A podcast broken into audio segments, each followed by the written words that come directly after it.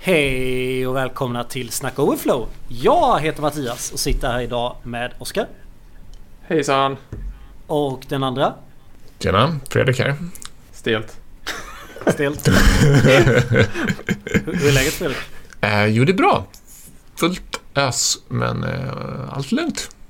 Mår du bra Mattias? Ja, jag är verkligen fullt ös. För jag, jag har kört massa workshops hela dagen. Så jag är helt tom på energi samtidigt som jag är hög på livet och har världens roligaste avsnitt framför oss. Så Min idé, högaktuellt både i branschen och precis där jag befinner mig just nu.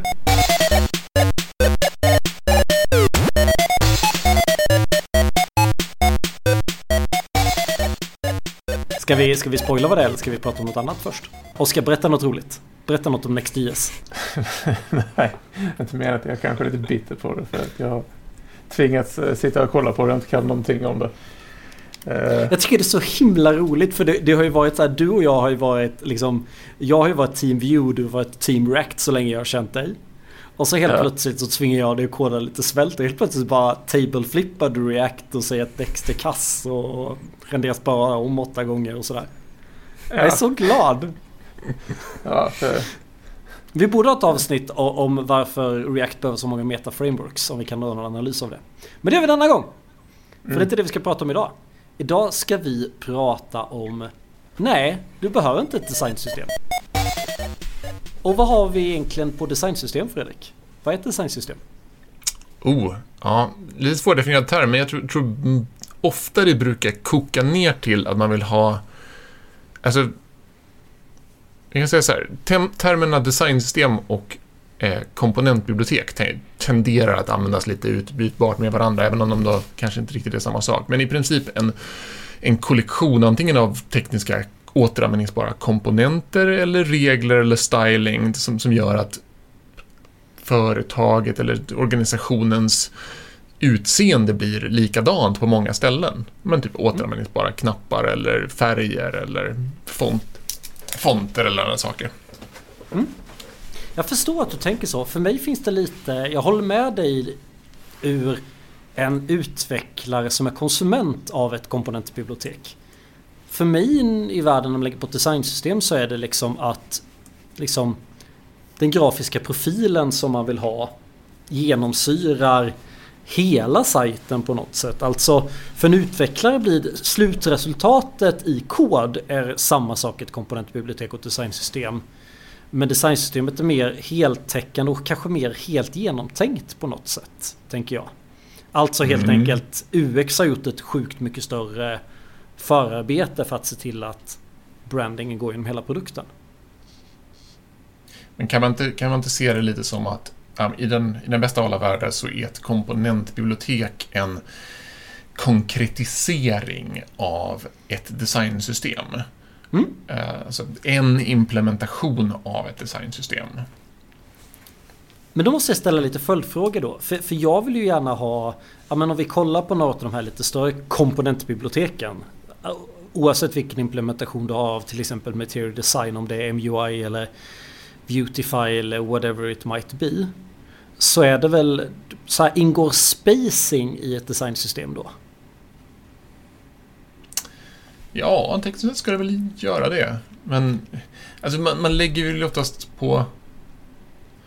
Man lägger väl sin ambitionsnivå någonstans. Eh, jag har haft den tidigare, jag hade en, ett projekt där jag gav mig på idén och bestämde oss för att vi ska inte få skriva någon HTML överhuvudtaget som inte är i komponentbiblioteket.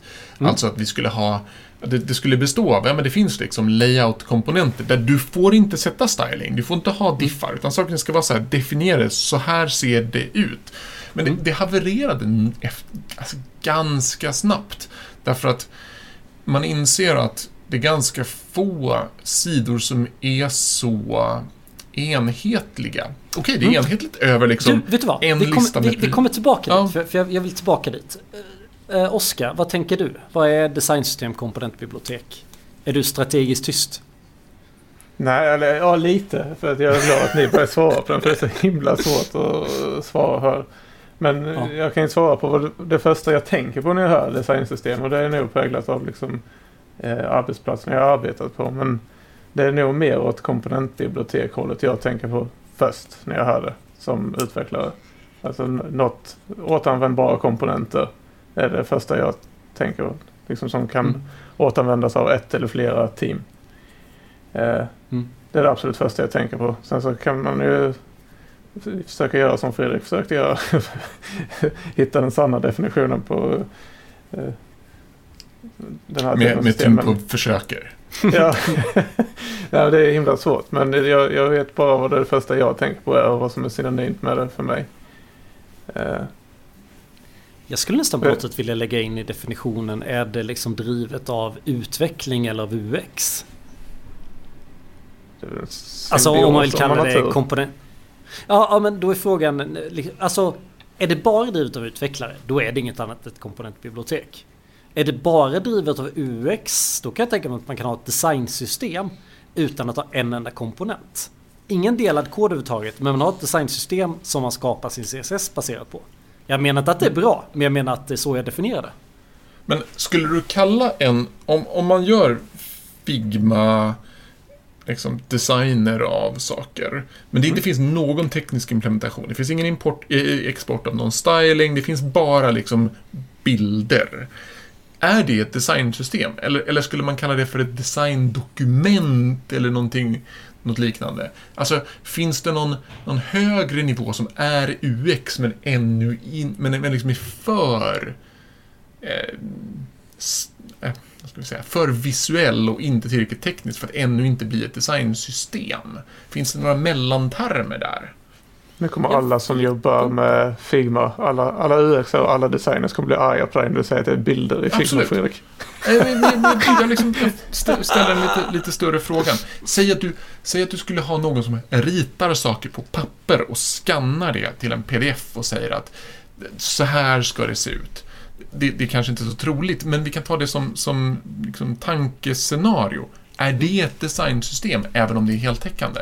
Eller krävs det någonting mer för att det ska börja bli det? Nej, men jag skulle säga att om, om det är ett, liksom ett system över hur vi designar saker som är så pass på, liksom, som är spesat på så, på så detalj, som är spesat på en så detaljerad nivå att man kan liksom härleda all design ur det designsystemet. Då skulle jag säga att det duger gott och väl att vara i Figma. Om du lyckas göra det med skannade papper, kanske inte. Då måste det vara många papper och väldigt bra spesat i papperna. Mm. Men jag skulle säga att det går att ha ett designsystem utan att ha kod. Mm. Okej. Okay. Så men, tolkar jag. Då är ju frågan, om man bygger ett komponentbibliotek som, som så att säga, implementerar designsystemet, är de då två helt separata saker? Som bara råkar vara ganska tajt länkade? Jag vet inte. Jag vet inte vad som är rätt i definitionen helt enkelt. Mm. Jag har använt designsystem. Designsystemet i Figma implementerade vi till designsystem i kod. Eh, som UX-gruppen approvade. Om, för att ge en kort spoiler hur man hade kunnat jobba där. Visste ni att man kan länka från Figma direkt till Storybook? Alltså ha någon programmatisk koppling där. Ja. Det, det var ganska smidigt när jag var en designer som visade mig det, eller UX. Förlåt om jag titulerar dig fel. Men du vet vilken det är.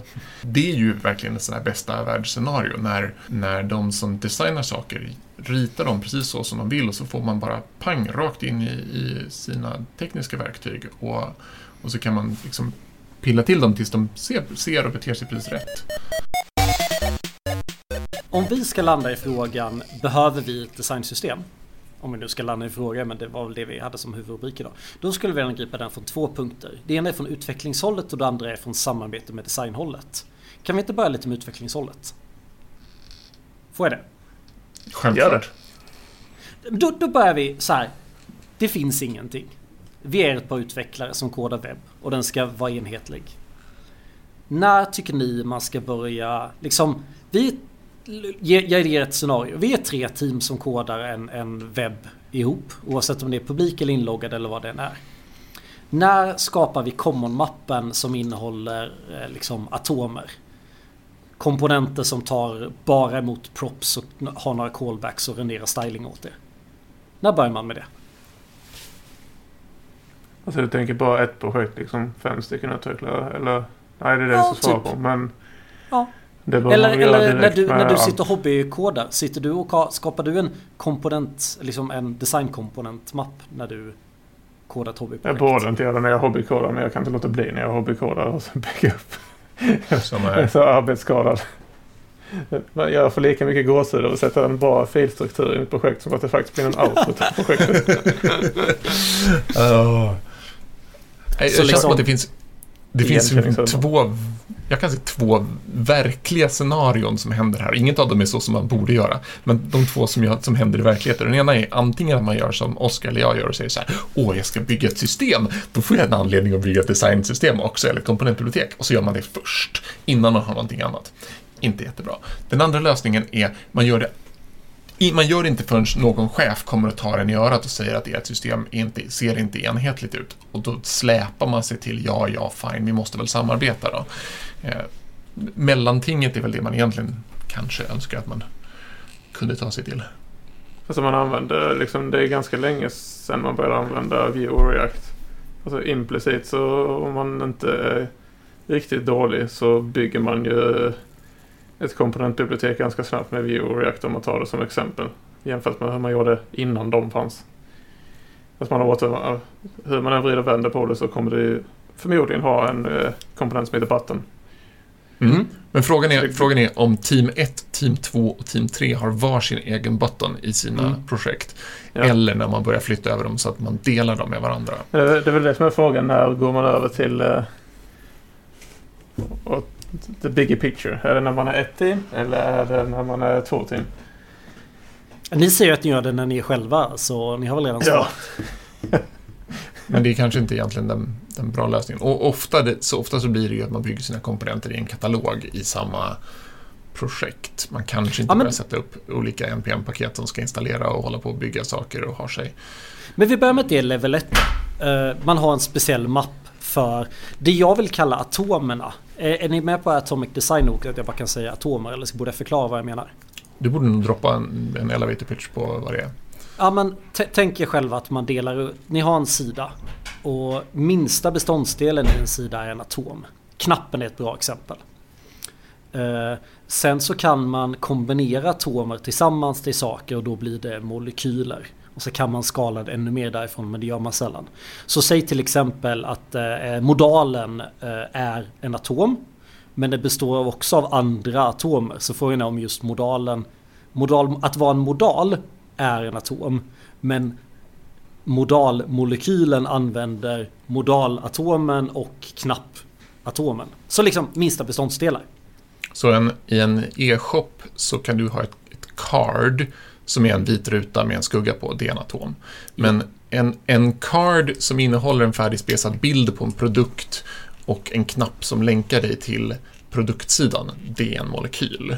Ja, det kan man säga. Check. Precis. Eh, var och, och då är väl när- sti- Det är bara när analogier måste förklaras. mm, det. Då har man lyckats. Det talar om i sinnesstämning.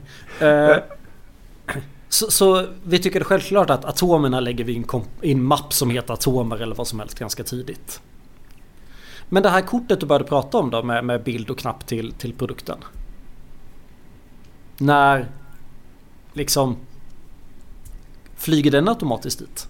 Jag tror inte den borde flyga dit förrän man egentligen kommer på att det finns eh, ett delat intresse av att ha den. Och, Mm. och man måste ju också göra den där hur... Ju tidigare du är i utvecklingen av en produkt, desto mer ändrar alla saker på sig. Mm. Alltså om vi kör ett Greenfield-projekt, vi har tre team som jobbar in till varandra på våran e-shop eller vad det nu är för någonting. Och sen så, om vi håller på och ändrar på hur de här sakerna ser ut hela tiden i, i det gemensamma, då kommer man ju slå på andras sidor ofta. Vilket betyder att vi antingen måste ha möten varenda dag om våra komponenter. Eller så är det enklare att bara dela upp dem mellan varandra. Men om du har ett projekt som har levt jättelänge, där vi sakta men säkert inser, jo men vi, den här listan över options-grejer, den har ni också. Så, så tar man liksom ett sakta och lite väl genomtänkt beslut att föra ihop den. Mm. Eh, Då är ju inte risken lika stor att man, att man skjuter sönder varandras kod hela tiden. Eller att man tvärstannar i sin utveckling därför att vi inte vågar införa en ny property på, på vår komponent därför att vi kanske skjuter sönder från någon annan. Ja, så, så liksom de här minsta beståndsdelarna tror vi är ganska enkla. Ja. Får jag komma med en tes då? Eh, betyder det att det bara, de här minsta beståndsdelarna, är det bara de som har CSS? Mm. En teori, inte en tes. Nej, det behöver inte vara. Alltså om du gör... eh, Om du gör, har en komponent där du gör någon form av formatering på en, en sträng så kan ju det vara återanvändbart. För att sen är det ju frågan om det man vill ha det som en metod eller en eh, komponent. Det blir väl att det är lite layouting och spacing och sådär. Men så, så Ja, flex sant. kanske är okej men eh, färg kan man ska hålla sig ifrån. Eller något. Mm. Ja, Det, det är lite... Alltså om jag, om jag skulle introducera i ett nytt projekt om man, om man får whiteboard-arkitekter lite. Så Välkommen. det är ditt favoritbegrepp Mattias. Eh, men vet man om att man liksom sitter man i ett, ett team med som aldrig kommer bli fler team. Då har den nog bara behållit det liksom i ett repository så ingen annan kan nå det. Men vet man om att det, redan från början att man är, det kommer vara tre, fyra team som kommer försöka lösa exakt samma grejer. Då hade jag försökt Mm. splitta det direkt. För att alltså, även för, så som du beskriver Fredrik, liksom att man ska behöva sitta och ha möten och vända knapp. Då är det bättre att man gör det tidigt och det distribueras i fyra olika eh, applikationer än att man ska behöva hantera det som lägger sig efteråt. Alltså, att det blir en liten shift left. Eh, ja, det är också ett favoritbegrepp. Men att det blir lite shift left. Mm. Att man tar den, det problemet i hornen tidigare. Alltså om man har liksom, fyra stycken ganska gröna projekt som ett exempel. Då är det bättre att man delar och bråkar i början. Tills man når någon form av konsensus och kan springa snabbare över tid. Mm. Mm. Jag kände inte alls så som du sa Fredrik. För en gångs skull. Ah. Nu, kanske jag, nu kanske jag är inne och steppar på fel ämne, men är det inte också väldigt mycket frågan om huruvida det är utvecklarna som äger den här agendan eller om det är designers som äger Vet du vad? Jag tycker vi skiftar till designers alldeles strax. Men Ja. jag, jag, vill, jag vill lite prata vidare om det Oskar sa först där. Alltså om det är flera team i flera... Vi har redan sagt flera team i en applikation och du vill lägga på dimensionen flera applikationer Oskar. Mm. Kan, kan vi anta att vi vill att de ska se likadana ut? Eller vad är, vad är incitamentet att använda samma kod? Det får man anta i detta fallet att de ska alltså, se någorlunda likadana ut. Att man kanske kan alterera färger i värsta fall. Ja. Eh, kanske sätta olika teman eller något. Det var... Ja. Jag, jag tyckte det var jättetydligt i mitt exempel men det, det framgick inte. Ja, men du, du, du, är- det är inte för att spara tid utan det är för att man ska använda samma komponenter för att det ska vara maintainbart mer.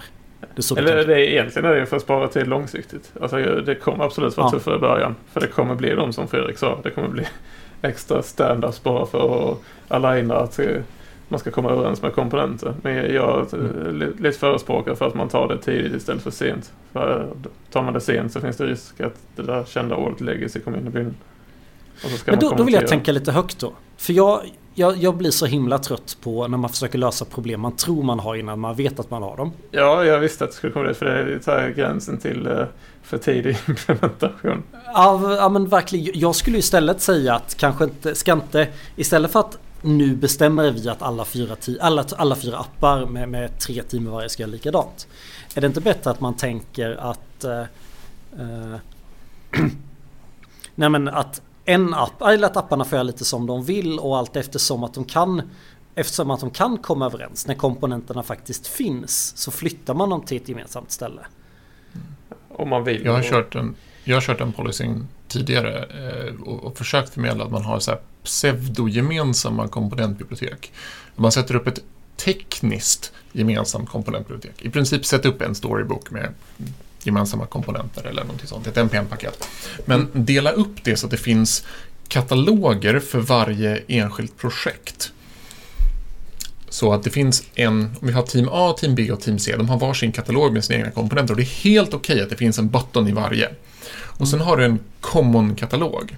Då kan alla börja jobba och sen senare i skedet så kan vi komma till en konsensus om att vi kan elevera eller samsas om att några komponenter kan få gå över till att bli common senare. En, en fördel med det, med det sättet att arbeta är att, att vi- medans vi jobbar så har vi också möjlighet att se varandras komponenter. För om jag går in i komponentbiblioteket så kan jag titta på, jo men vänta nu, det andra teamet har redan en drop-down. Den här ser ju bra ut. Då kan jag initiera, kan vi ha ett möte? Det här kanske är någon vi skulle ha gemensamt. Då, då får man en, en kollaboreringsyta där man rent, redan tekniskt från början tvingar alla att liksom jobba in på ett gemensamt ställe. Även om man bara använder det för sin egen produkt. Men jag, jag tror det jag var mest emot är att som ni sa det här liksom, det händer mycket komponenten utvecklas och man vet att komponenten utvecklas regelbundet. Mm. Då vill jag absolut inte lyfta in dem i ett NPM-paket utan då vill jag att de ska flytta sig med varje commit. Jag menar att för mig är kostnaden att lägga dem vid sidan om den stora kostnaden. Även om jag har en egen mapp där. Så går det Det ju att över, överkomma men eh, Men det beror lite på om man...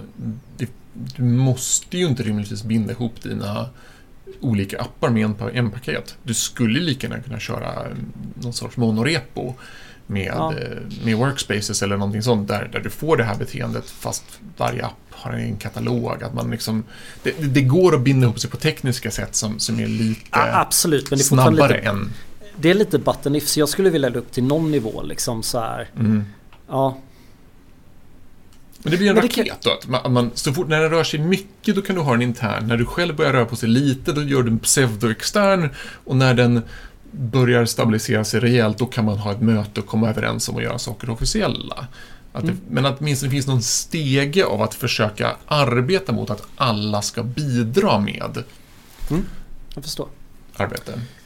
När eh, lägger man på Storybook då? Eller motsvarande verktyg? Vi har ju redan landat i att det är Storybook som är de facto.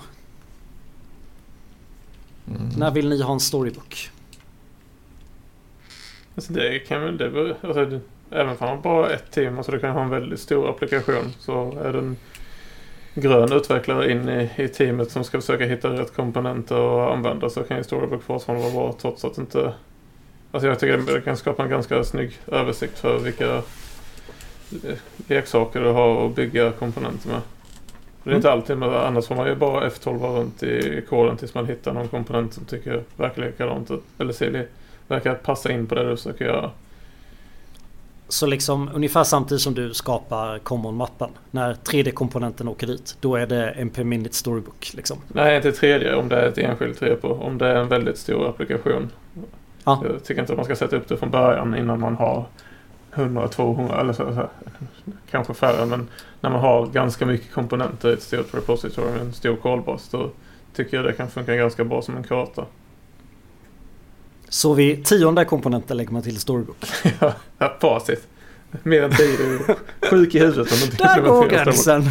Ja, Men gör, men gör du vid nio så är, är du precis lika fel ute.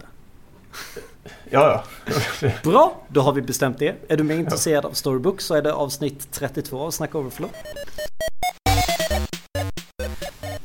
Om jag är lite så här, don't repeat yourself initiativet som ibland kan vara mer skadligt än positivt. Man överrefaktorerar saker. Jag kan tycka det ibland kan gå till sina extremer när det kommer till ja, men återanvändbara komponenter. Mm. Jag har mitt uppdrag nu som är Next. Där tror jag liksom att varje, varje page har sin egen mapp i Components folder. Eh, varje sån mapp i Components foldern har nog typ, va- typ varenda där har sin egen folder som heter Common. Och sen har vi en gemensam mapp utanför Components som heter Common. Och så tror jag vi har en egen mapp som också heter Style. Och nu ska vi bygga ett designsystem. Visst är det nice med boilerplating? Jag får lite gåshud när jag hör. Ja, det är så här Det är inte lyssnarna, liksom. lyssnarna ser när inte era ansiktsuttryck. Det är väldigt kul om man sitter och kollar på det. Gnugga sig i ansiktet och pusta. Ja, men det här, det här det börjar påminna lite om det gamla scenariot när man höll på med Java eller C-sharp. Och man säger, jo men vänta nu här. Varför ändrar den här propertyn på sig? Hoppsan, det, det, det, det här ärvde av någonting som ärvde av någonting annat som ärvde av någonting annat. Och sen så var man typ nere i åttonde ledet med generics. Mm. Att man kan få liksom Ja, men det här står i vår common som referenserar våran common common som referenserar common common common och sen så bara, vad, vad, håller vi ens på med? Mm. Men det slog Men mig en, jag- sak, en, en sak med det här som jag tycker egentligen är en, en, en fördel med alla de här sakerna är att Mm. användningen av ett komponentbibliotek ska ju nog tvinga dig att stanna upp och tänka lite vad man ska ha saker till. Att man inte bara, bara bygger en button, utan man kanske tänker lite först. Hur vill vi använda buttons? Vad är de till för? Hur borde de se ut? Vad borde de ha för interface? Så att man så att man inte bara gör först och ser vad som händer, utan man faktiskt liksom funderar lite kring de här sakerna. Att det kanske är bra att det, att det blir lite, att det stoppar upp flödet lite. Jag förstår vad du menar. En bra yta att tänka efter. Uh, nu, nu, ska vi prata om designsystem här och nu har vi babblat på i dryga 25 minuter. Ska vi, ska vi öppna den här lådan designers nu kanske? UX? Ja, kul. Vi har ingen designer som kan försvara sig heller så det är bara öppet mål. Vad, när vill vi blanda in designers i våra komponentbibliotek då? Jag har ett fall på mitt uppdrag nu när man försöker bygga ett sånt här eh, designsystem. Och mm. det, det, är ett gäng väldigt duktiga UX som har ritat upp komponenterna men de har också en liten dold agenda. För de har satt upp en Figma som typ påminner lite om en storybook. Så det ska ju översättas till en storybook. Men de har också skrivit ganska mycket dokumentation på hur de tycker de här komponenterna ska användas med varandra. Vilket jag mm. liksom, på ett teoretiskt plan kan tycka, för de, tyck, de, de försöker ju enforca in bra UX i applikationerna. Mm. För det, det, är problem med applikationer på detta uppdraget. Liksom att UX kanske inte alltid är den bästa. Men i verkligheten så är det så himla svårt att enforca det. Eh, och jag, jag vet inte riktigt hur man ska lösa det för att, att försöka jag vet inte hur man säger det på svenska. Det låter lite konstigt när man säger det på svengelska. Men att retrofitta in alla eh, eh de här UX-ändringarna är väldigt svårt. Nu, nu kanske jag aldrig får med podden jag ser nu med tanke på nivån i skatten. Vilket avsnitt var det? Vi kan komma ihåg detta som mitt sista avsnitt. Rest in peace. Ja, tack. Men är det inte lite så här det som är poängen då? Alltså komponentbibliotek plus Figma liksom får till samarbetena där. Då får du liksom Då blir det lätt att göra rätt liksom.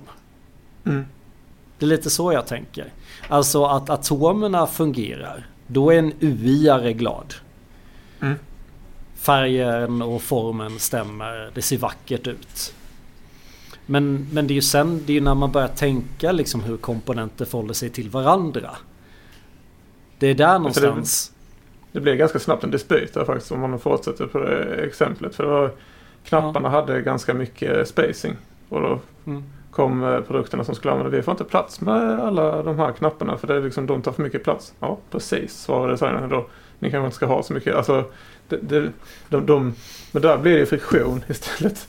Eh, lätt då. Men, men egentligen är designerna som har gjort komponenterna menar väl. Men de försöker ju säga att ni, då kanske ni liksom trycker in för mycket på för liten yta i era applikationer. Jag kan förstå mm. bägge sidorna men det, det blir en intressant friktion där. När, och för kontext, du, du, du jobbar i ett superinternt system. Ja, och det är, ja. det är, mycket, liksom det är mycket UI på en yta. Mm. Eh, de har fått in mycket UI, mycket UI för pengarna. Eh, mm. och, och designers utifrån som försöker skapa generella regler liksom för mer än en applikation har ju satt på lite mer spacing då om man tar det som exempel. Och det, det översätts inte så bra. Eh, och den, den friktionen är ju väldigt svår att lösa. Jag, jag, känner att jag slits lite mellan där som en kurir. För jag, jag, jag uppskattar ju bra UX men sen förstår jag att eh, eh applikationerna vill vara pragmatiska. Eh, men det, inte det där... Men har, har, man inte... Vad ska man säga? Alltså idén att man ska kunna ha stora fina knappar med rundade ytor som är platta och ha bra yta och sen så bygga en Excel-applikation av det måste väl vara ogenomförbart? Alltså, Excel, har, Excel har ju inte stora fina knappar. Nej men exakt. Nej. Eh, alltså, så man måste väl kunna göra även internt i ett system och även om man ska hålla sig till generella regler så måste det ju ändå finnas olika, mm, ska man säga, olika flavors av, av interna implementationer av det beroende på om man ska göra någonting som är mer applikationslikt eller någonting som är mer webbpresentationslikt. Mm. Håller med. Så kanske lite opragmatisk design då. Men jag säger så här, jag gillar den, jag personligen, själva grundinställningen gillar jag den med att designersna kommer och säger men då har ni, då har ni inte liksom tänkt rätt i grunden. Men då kanske, då kanske i det teamet skulle behövas mer integration med UX som är med och tar fram hur borde man kunna göra det här istället. Mm. Eventuellt. Men är det inte lite det som blir ett problem då Oskar? Jag brukar alltid svara på devisen så här. Hur många kan vara med och dela komponentbibliotek? Hur många team? Och jag skulle säga att svaret på den frågan är alltid lika många team vars UX kan komma överens om hur det ska se ut. Mm. Så jag skulle säga att ni kan inte dela på komponentbibliotek över alla de teamen. För de som bestämmer vad applikationen ska se ut. Det låter inte som att UX är i alla sidor där Oskar. Så jag säger de som bestämmer applikationen ska se ut. Mm. Kan, kan inte komma överens och därför kan inte dela kod. Man kan inte dela kod om inte designers är överens. Då är det bara waste. Man kan, kan dela lite ju... primitiva saker. En kul grej till, alltså jag är väldigt, uh, väldigt, väldigt mycket en novis när det kommer till Figma. Men man kan ju göra alltså, som storybook fast för Figma så att du låser designen och förhållningsregler på dina Figma-komponenter. Så de har ju börjat i rätt ända att de, alltså alla som ska fortsätta designa med eh, Figma eh, använder dem redan, alltså så att de använder rätt komponenter redan i Figma alltså innan komponenterna är på plats. Och det tycker jag är ganska bra för då får de liksom försöka, jag ska, ska jag säga det bara för att rita sina designsystem med rätt komponenter innan och se ifall det funkar istället för att man ska tekniskt implementera dem först och sen så kommer man inte överens. Så det, det tycker jag faktiskt var en ganska bra tvåstegsraket som upp, eh, uppkom här av misstag i detta fallet. Att alla ja. de olika designers som, som ska använda det här designbiblioteket får börja med att använda dem i Figma först och se ifall de kan få det att funka. Får jag, får jag lägga den tredje fasen i raketen då? Ja. Jag har kommit så långt i, i det uppdraget som jag var på förra året. Vi kommer så långt i vårt designsystem. Vi hade, vi hade verkligen fått till processen. Det fanns ja. ett UX-team som jobbade mycket tillsammans men de var distribuerade till de olika teamen. Men de var ja. överens. De kunde bestämma att nu har vi det här mönstret. Och var det en liten grej så fick det teamet som först behövde det nya designmönstret. Det teamet fick contributa till, till, design, till liksom storybooken.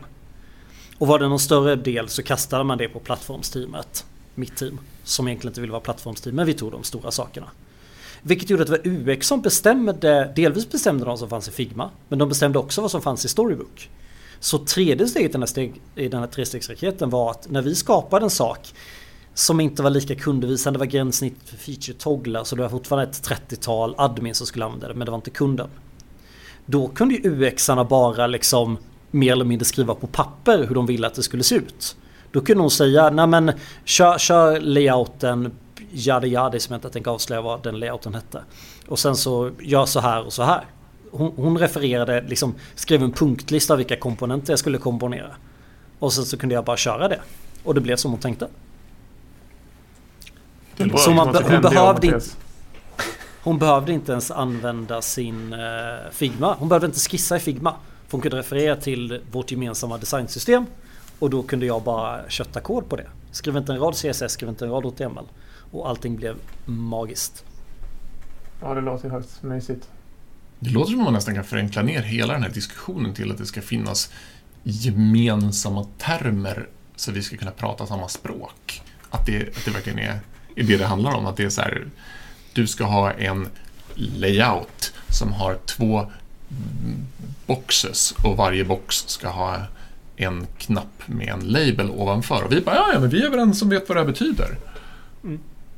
Fast vi behövde inte ens gå ner på den nivån för hon sa jag vill ha en, en liksom respektive sån här sak, respektive feature toggle ska vara i en widget och i CTA i widgeten så ska det vara update och delete och trycker du på update så öppnar du upp en modal och där får du improvisera lite. Mm. Det är ju skitbra. Om man gör, gör livet enkelt för, för de som ska göra det här. Mm. Plattformsteam. ah!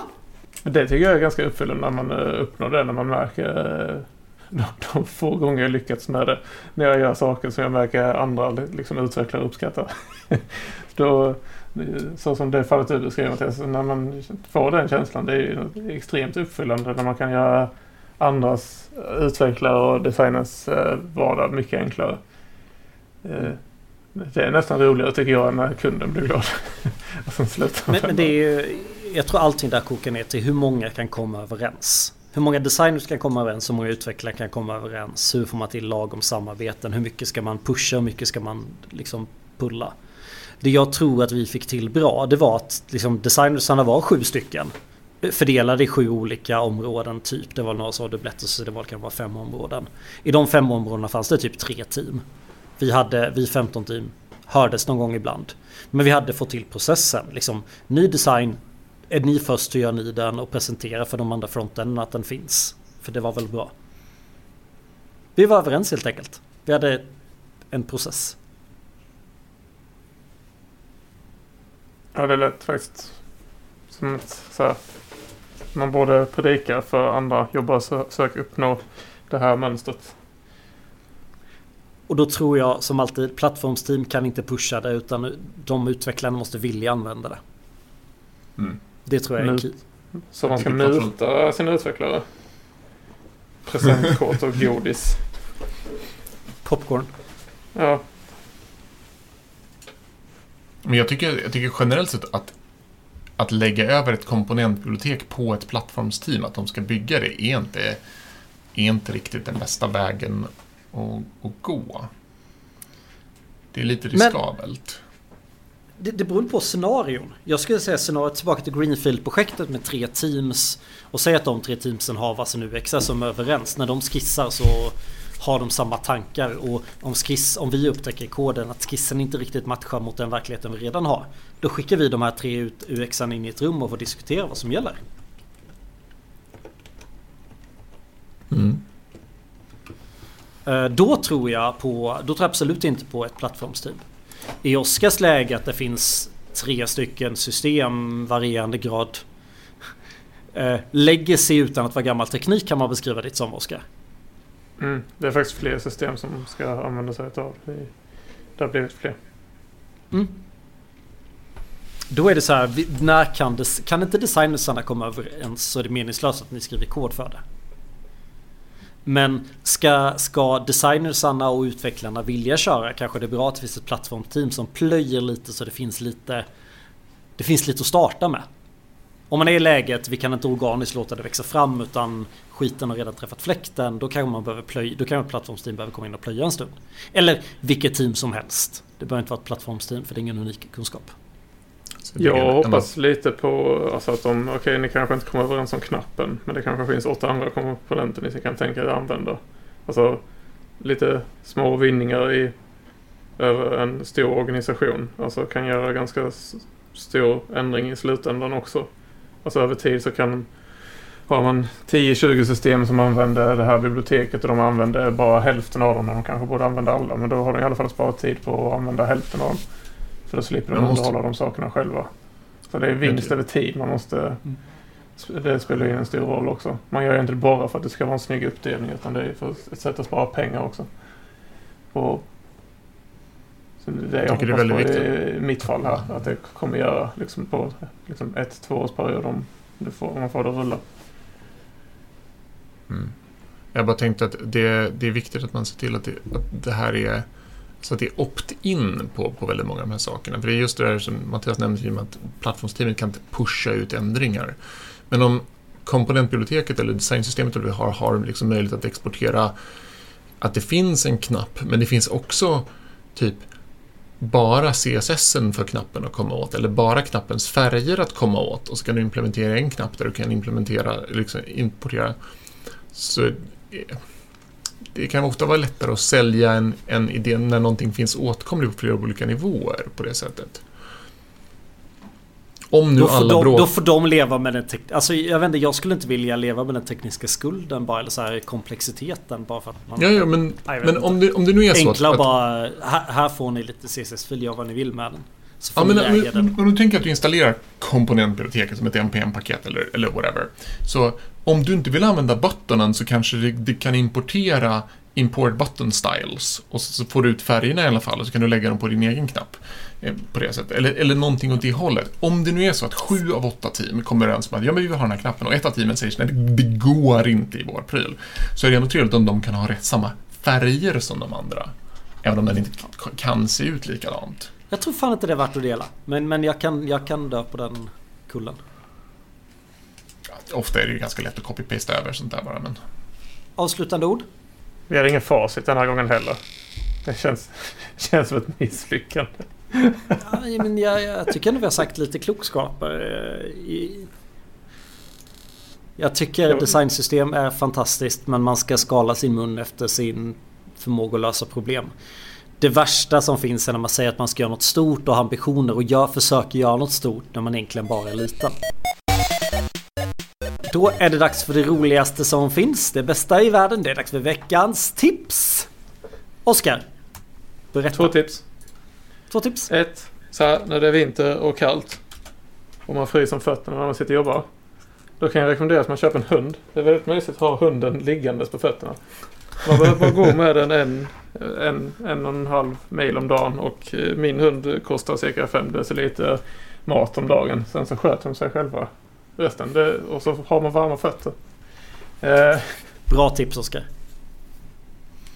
tack. Vet du vad? Då, då ska jag ta mitt tips för det här är mitt sjukaste tips någonsin. Uh, jag och Andreas blev tillfrågade att hålla en föreläsning om microfrontends på, på hos, en, hos en, ett bolag som egentligen hittade oss på googlade microfrontend Stockholm hittade oss. Eh, så jag har börjat sitta med PowerPoint. Och kombinationen uh, använda DALI för att generera bilder, alltså OpenAI. som jag slänger in i PowerPoint. Och sen så finns det liksom en designerflik som liksom, jag, jag slänger in bilderna i mitten. Och sen så trycker jag på någon designerflik och säger det här är åtta olika alternativ på design. Och så bara väljer jag någon av dem. Alltså jag har skapat hur mycket design som helst. Och så kom jag på, ja men om jag har några fyrkanter med enhetliga färger till de här sakerna. Och så slänger jag ut dem ungefär som jag tänker. Och så säger designern, du kan rätta till det lite så här. Jag bara, okej. Okay. Så jag har skapat världens snyggaste slides utan att göra någonting själv. Alltså världens snyggaste slides jag någonsin skapat. Så Mattias snyggaste slides. Så, så helt enkelt mitt tips, öppna PowerPoint. Klicka på designfliken. Öppna designer. Och då kommer en panel till höger som räddar ditt liv. Nu Fredrik. Yes. Um, jo, då från, från stora breda eh, tips så har jag ett mycket, mycket smalt och mycket, mycket specifikt tips. Jag snubblade över Pratar ett... du om mig nu? Nu pratar vi om... Mycket, mycket smal. Mycket, mycket Ja, precis. Nej, jag snubblade över ett NPM-library som heter, och nu måste jag ta fram, något så enkelt som String Replace Source Map. Nu snackar vi ett smalt case. Alltså, om du har en JavaScript-fil med tillhörande source map och du behöver editera din JavaScript-fil och samtidigt få din source map att hänga ihop så finns det ett NPM-paket för det. Mitt case så var det, jag behöver ta CSS och injicera in den i en redan byggd JavaScript-fil because reasons. Oskar vet vad jag pratar om. Ja. Då finns det någon som redan redan löst det här problemet. Jag älskar att hitta saker som har typ så här 100, ned, 100 nedladdningar i veckan på NPM. Man bara, mm, jag hoppas att det här funkar. Eh, men, eh, Det betyder att det finns fler som du Fredrik som har en fäbless för sådana här intrikata lösningar. Ah. Det här är grejen med att sitta i ett plattformsteam. Man får de konstiga problemen. Ja, sant. Och det är därför man ska väga kundnytta mot det som man inser att det inte är värt att göra utan lösa problem på ett annat sätt. Det blev de sista orden. Tack för att ni kom och lyssnade. Ha det så bra! Vi hörs om en vecka. Hej. Då!